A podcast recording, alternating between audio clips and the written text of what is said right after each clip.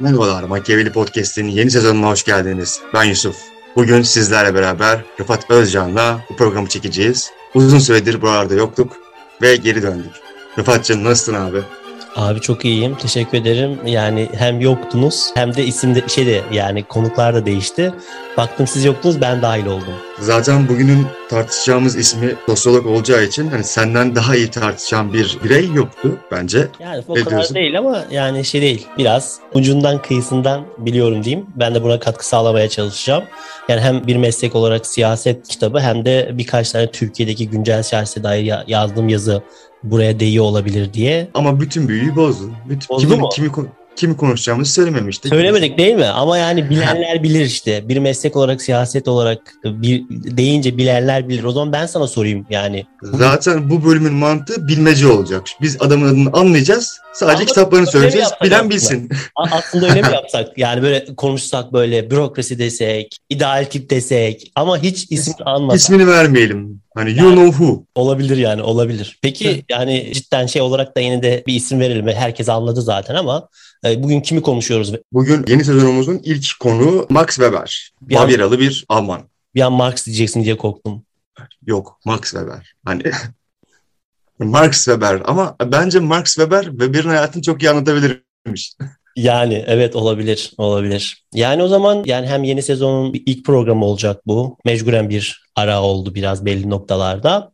Geçen sene de önemli isimler konuştunuz. Bundan sonra da işte Weber, Weber'den sonra Schmidt, Schmidt'ten sonra belki elit teori ve farklılaşacak isimler, belki konuklarla beraber daha da zenginleştirilebilecek bir program e, olacak diye düşünüyoruz e, Machiavelli Podcast. Yani Machiavelli Podcast'te yani burada ben de birazcık yani şey bence çok tatlı bir program. Yani Türkiye'de örne yani az örneği olan varsa bile yani benim yani ismi de çok güzel, ismi de çok iddialı, konuşulan konular da çok iddialı ve burada herkesin çok fazlasıyla ilgisini çekeceği içeriklerin olacağını düşünüyorum. Ondan dolayı böyle bu programı devam ettirmek çok iyi olacaktır.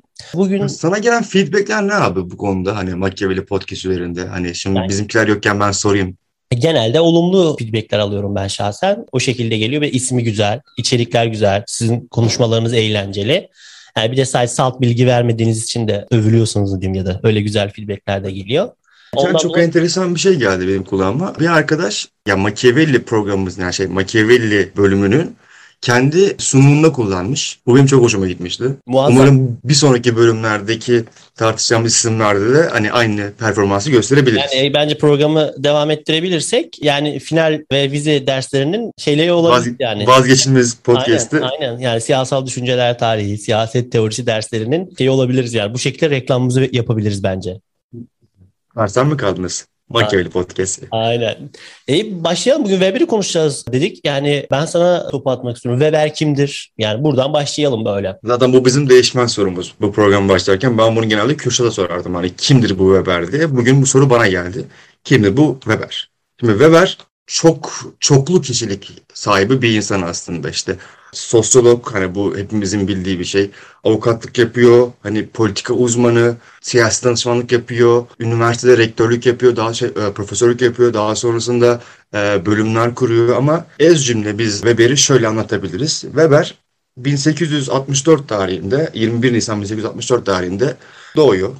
Bu Boğa burcu bir sosyolog. Boğa burcu olmasının temel e, özelliklerinden birisi yemeğe çok düşkündür. Yani elini ya tabii bu biz bu bilgileri edinemiyoruz fakat büyük ihtimalle mutfakta çok başarılı bir sosyologtu kendisi. Benim boğa burcu olarak tanıdığım birkaç kişi daha var. Marx, Marx da yemek yemeyi çok severmiş ve Rıfat Özcan. Şimdi Rıfat Özcan hakkında bu bilgiyi vermek bana düşmez belki ama Rıfat Özcan da yemek yemeyi çok sever.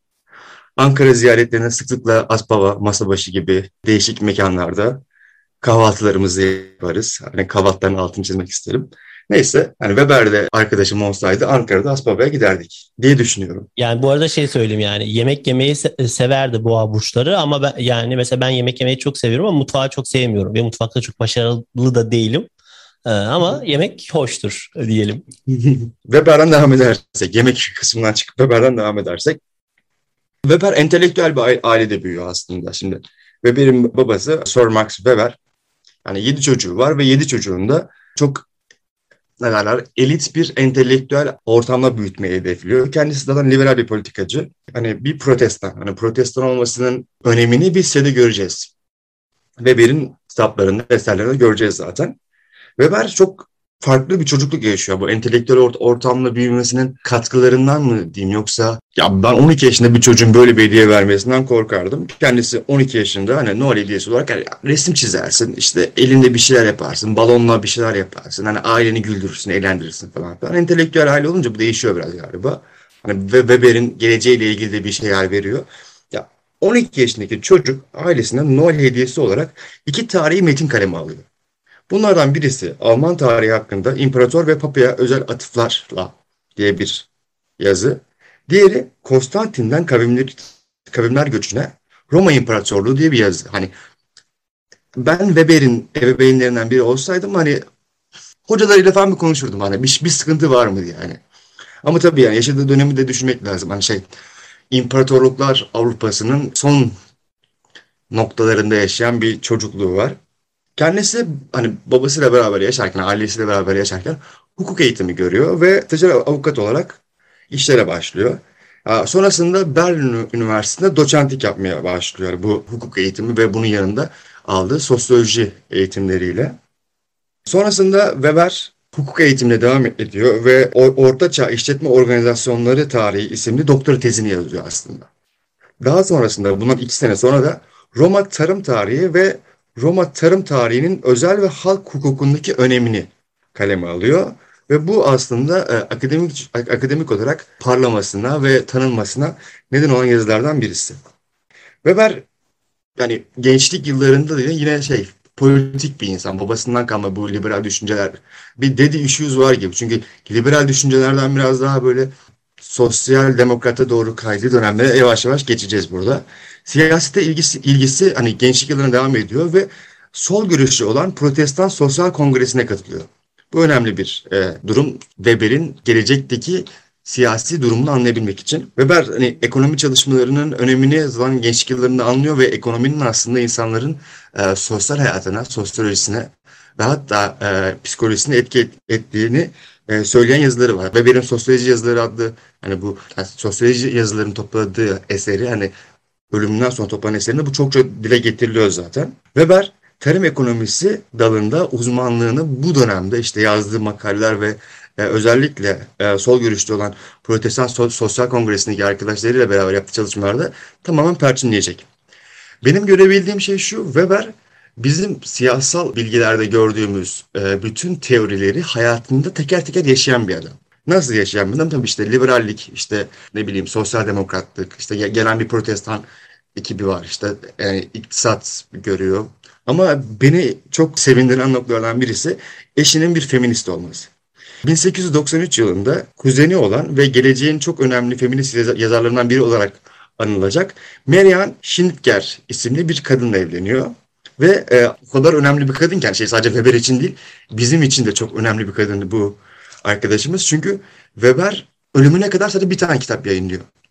Weber öldükten sonra yayınlanan bütün kitapların altında bu ablamızın parmağı var. Ee, Weber 1903 yılında, 1903 yılına kadar prof profesörlük yapmaya devam ediyor ve sonrasında 1903 yılında profesörlükten ve akademik hayattan çekiliyor. Bir, bir miktar çekiliyor ve editörlüğe gidiyor. Hani editörlüğe e, daha çok önem veriyor ve hayatında hani yaşamında yayınladığı tek kitabı olan Kapitalizmin Ruhu ve Protestan Ahlak kitabını 1904 yılında yayınlıyor. 1912 yılında Weber demokratlar ve liberalleri birleştirmek için bir parti kurmaya, bir sol parti kurmaya karar veriyor. Fakat liberaller bu sosyal demokratlarla ve solcularla yan yana gelmemek için bazı e, protestolar yapıyor ve bu parti yani kurulmadan tarihe karışıyor. 1914 yılında savaş patlak verdiğinde Weber de kendini bu savaşın ortasında buluyor ve Heidelberg'deki bir hapishanenin müdürü olarak kendine görev buluyor.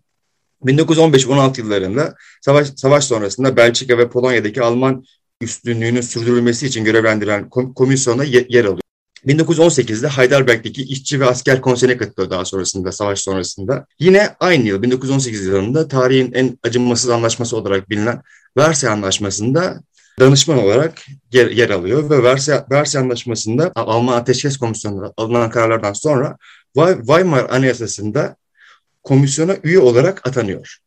Şimdi burası çok çok değerli bir nokta. Çünkü Weimar Anayasası'nda bir, bir tane 48. madde var. Bu 48. madde birçok tarih okuru, birçok sosyoloji okur ve birçok siyasal çalışan insan için çok önemli bir nokta. Bu 48. madde daha sonra Hitler tarafından muhaliflerini susturmak ve diktatörlüğünü kurmak için kullanılacak. Hani Weber'in Alman e, tarihine katkısı sadece akademik değil. Hani Hitler'in e, aslında yasal babası diyebileceğimiz bir maddeyi komisyona kabul ettiren bir adam. Bu da yani biraz istisna hali. Yani aslında Schmidt bir sonraki e, isim bu olacak. Yani o istisna daha çok onda konuşulacak. Bir de bizim kendi tarihimizde de böyle bir istisna hali var. 1876 Kanuni Esası ve 1908'deki Kanuni Esası de işte e, 13. madde olması gerekiyor. Yani yanlış söylemiş olabilirim. Orada da padişah işte istediği zaman meclisi kapatabilir diye böyle bir istisna hali var ve ki 2. Abdülhamit de bunu kullanıyor. Bunda böyle küçük bir hatırlatma olarak yapmış olayım ne diyor hani büyüklerimiz ben görev alanımı sonuna kadar kullanacağım. Hani yasaların bana verdiği her şeyi kullanacağım. Hani yasa veriyorsa kullanırım ben. Gibi. Hani e, burada tabii şey Weber'in iyi niyetli bir şekilde bu 48. maddeyi koyduğunu düşünmek istiyorum. Hani istikrar için işte bir daha böyle bir ne derler Versay Anlaşması görmemek için Almanya'da bir bütünlük sağlamak için yapmış olduğunu düşünmek istiyoruz ama tabii ki yani kimse Hitler'i öngöremezdi. Hani burada açık konuşmak gerekiyor. Kimse Hitler, Hitler gibi adamın geldiğini öngöremezdi. Sadece Bu, kitlelerin ruhu Lebon dışında. Hani Lebon dışında hani hani o da her şeyi görüyor. o, o, o farklı bir örnek. Devrimin psikolojisiydi değil mi onun başka kitabı tabii. Evet evet. Neyse Weber'den devam edersek Weber son yıllarında biliyorsunuz hani şimdi biz 1918'e kadar geldik. Weber'in iki senesi kaldı. Şimdi Weber 1920'de ölecek. Weber savaş sonrasında Varsay Anlaşması'nda işte danışmanlık verdikten sonra ve Weimar hükümetine anayasada e, katkılar sağladıktan sonra 1918 yılında Viyana Üniversitesi'nde tekrar katılıyor. Yani Avusturya'da bir üniversitede tekrar akademisyene devam ediyor. 1918'in sonlarına doğru buradan ayrılıyor ve 1919'da Münih Üniversitesi'nde ders vermeye başlıyor. Şimdi burası sosyologlar için çok kritik bir nokta. 1919 yılında Münih Üniversitesi'nde ders vermeye başladığı süreçte e, yapılmayanı yapıyor ve ilk sosyoloji enstitüsünü burada kuruyor. Arkadaşlar diyor biz toplum biliyoruz. Siz de biliyorsunuz. E, o zaman bu toplum üzerinde bir araştırma yapalım. Bu araştırmayı da organize yapalım diyor ve enstitüyü kuruyor. Daha sonrasında bunu akademik bir perspektif altında derslere hani koyalım diyor ve bu dersler sadece sosyoloji dersi olarak kalmasın. Biz bunu bir bölüm olarak yapalım diyor. Hani işte birimiz işte e, ekonomi sosyoloji ilgileniyoruz, diğerimiz işte başka bir sosyoloji alana ilgileniyoruz.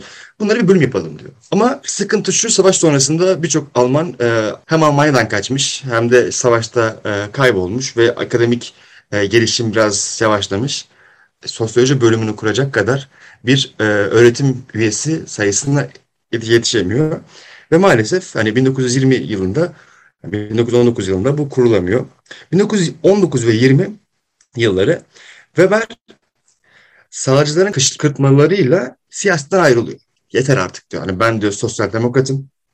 Benim üzerine bu kadar gelmeyin. Hatta Ahmet Kaya'nın o meşhur şarkısı Weber'e yazılmıştır.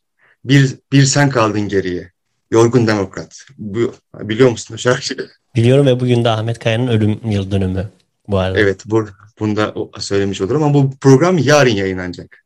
Olsun yani biz bugün kaydetmiş olduk. Yani bugün de ama evet. yıl dönümü onu da almış olalım. Bir sen kaldın geriye Max Weber. Ama Max Weber de 1919 yılında siyasetten ayrılma kararı alıyor.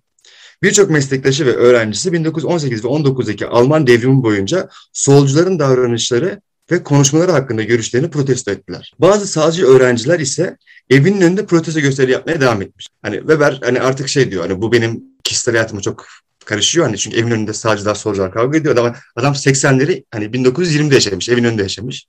14 ee, Haziran 1920 tarihinde e, İspanyol gribi nedeniyle zatürreye kapılıyor ve acı verici bir ölümle aramızdan ayrılıyor Weber. Ya ben Weber'e üzüldüm. Hayatında sağcılar var, hayatında solcular var, hayatında feministler var.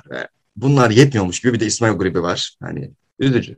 Aynen yani hoş değil dediğin gibi de genç yaşta bir vefat ediyor. Yani şey Böyle ya bu aslında biz bu şu an işte korona içinde olduğumuz için daha anlayabiliyoruz belki. Bu şimdi korona içinde de- dönemde de bunun gibi ne, nice isimler e, aramızdan ayrıldı böyle değerli isimler. Genel olarak bir Weber'i e, şey yaptın. Nereden nereye geldi, ne yaptı? Onları böyle e, en azından biyografik bir bilgi verdik böyle hiç bilmeyenler için. Çünkü bu program başlığı Weber 101 e, olacak diyelim. İkinci sorumu sormak istiyorum bir de sana. Tamam Weber okey böyle bir isim ama e, niye hala konuşuyoruz? Neden önemli Weber? Weber'i önemli kılan ne sence?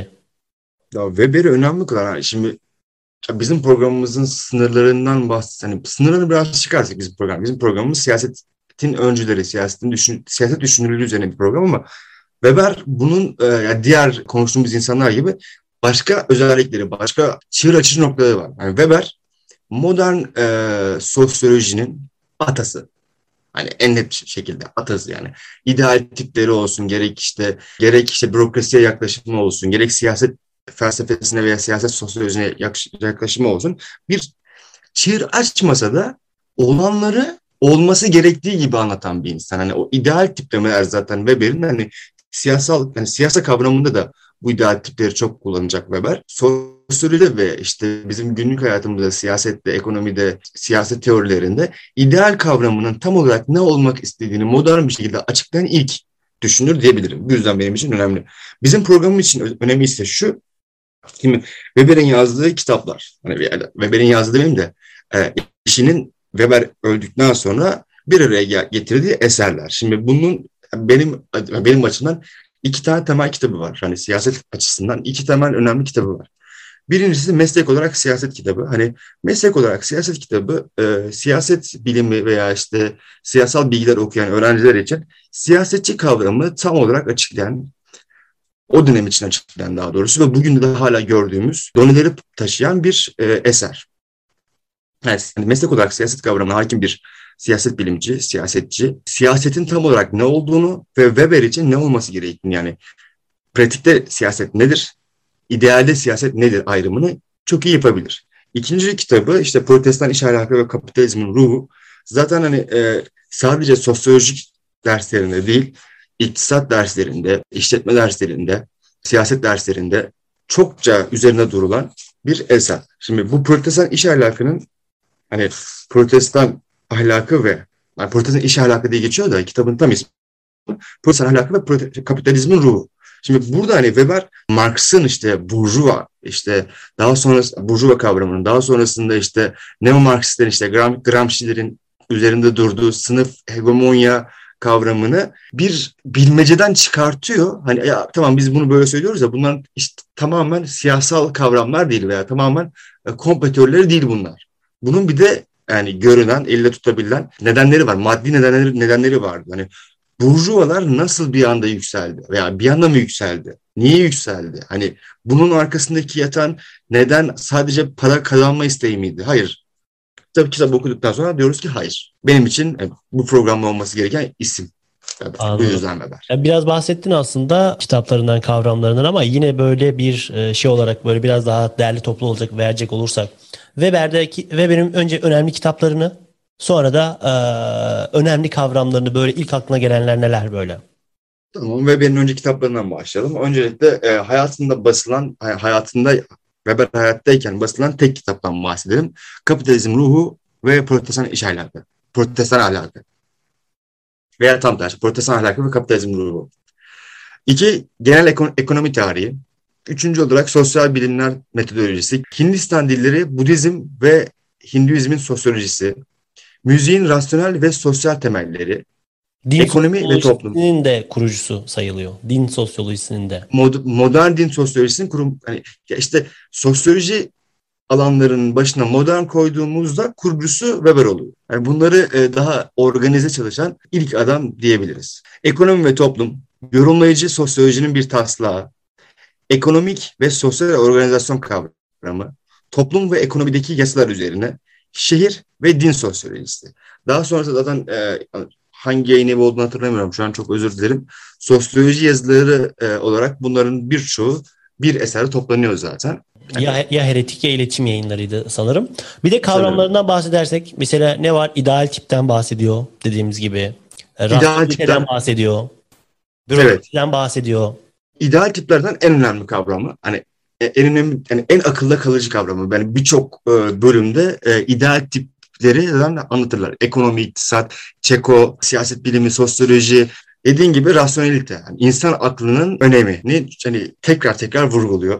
Üçüncüsü ya, bürokrasi. Ya, bürokrasi kavramını bir yerden alıp bir yere getiriyor. Hani Weber mesela bürokrasiye bunu daha sonraki bölümlere geleceğiz. Weber bürokrasiye bizim şu an baktığımız gibi bakmıyor. Hani çok pozitif bakıyor. Hani bürokrasi de rasyonelitenin geldiği bir, nokta, bir son noktadır şeklinde devam eden. Daha da şey bürokrasi için kendisi kırtasiyecilik diyecek. Sonrasında lider kavramları yani işte lider sosyolojisi işte geleneksel lider, karizmatik lider ve rasyonel lider. Hani şu an kullandığımız e, işte seçim sistemlerine kadar gelen kısımda bunları söyleyecek.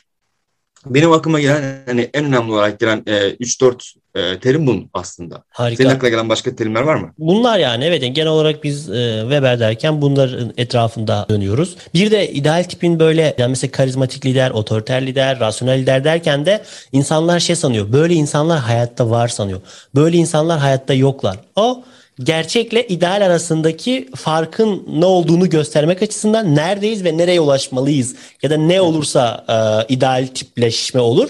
Onu da böyle burada belirtelim. Şimdi bazen mesela o konuda e, böyle tartışmalar da e, oluyordu diye hatırlıyorum. Onu da söylemek istedim. Weber'in ideal tipi aslında şey yani full potansiyelli bir şey. Yani potansiyelin tam anlamıyla kullanan bir işte neyse artık sadece bu siyasetçi değil yani X nesnesi eğer potansiyelini tam olarak kullanırsa Weber'in ideal tipolojisine giriyor. Hani bu budur. Hani mesela ideal sevgili mesela nedir? Bu, bu böyle böyle böyle ama böyle bir erkek slash kadın yok. Ama böyle olmasını istiyoruz gibi. Ve olmuyor da zaten. Yani öyle o şekilde devam ediyor. Sigara, sigara yani. kendiliğinden yandı şu an. Aynen. İdeal sevgili bulunamadı falan diye. Ee, tamam Ve benim çıkış noktası bu. İdeal sevgili bulunamadı. Hani ama feminist evlenmiş falan böyle. Yani Diyelim. İdeal değil işte. ideal değil işte. İdeal bilmiyorum. Belki de idealdi yani onu bilemiyoruz. Ee, Atilla İlhan'ın çok hani sevmediğim fakat e, komik olan bir sözü Aynen. var. Diyor ki entelektüel bir kadınla evlenirseniz kendinizi veya onu camdan aşağı atmamak için zor tutarsınız. Ya evet evet o çok şey gazete küpürünü gördüğümde kahkaha atmıştım. Bence entelektüel bir kadınla evlenilir ama şey derler antenleri açık olan yani her iki tarafında antenleri açık olan ve ortada buluşabilen insanlarla bence gayet de güzel olur deyip bu bölümü burada bence bitirelim. Ee, ikinci de. bölümümüzde e, bir meslek olarak siyaseti konuşacağız sanırım değil mi? Evet bir meslek olarak siyaset, liderler, hangi liderler, nasıl olmalılar, biz hangi liderleri görüyoruz, karizmatik lider nedir? Hani Gibi. var mı böyle bir şey? Buna ideal mi yoksa değil mi? Hani belki biraz aşk, belki biraz sevgiden bahsedeceğiz ve yine o programda bitireceğiz. Tamam harika. Ee, yani bu program sahibi olarak ben son topu sana atmak istiyorum. Programı sen kapat isterim. Ee, Machiavelli Podcast'in bir bölümünün daha sonuna geldik. Yeni sezonumuzun ilk bölümü. Çok heyecanlıydık. Umarım hani sürçülisan ettiysek affedersiniz. Bizi nerede ve nasıl dinledi, dinliyorsanız esen kalın.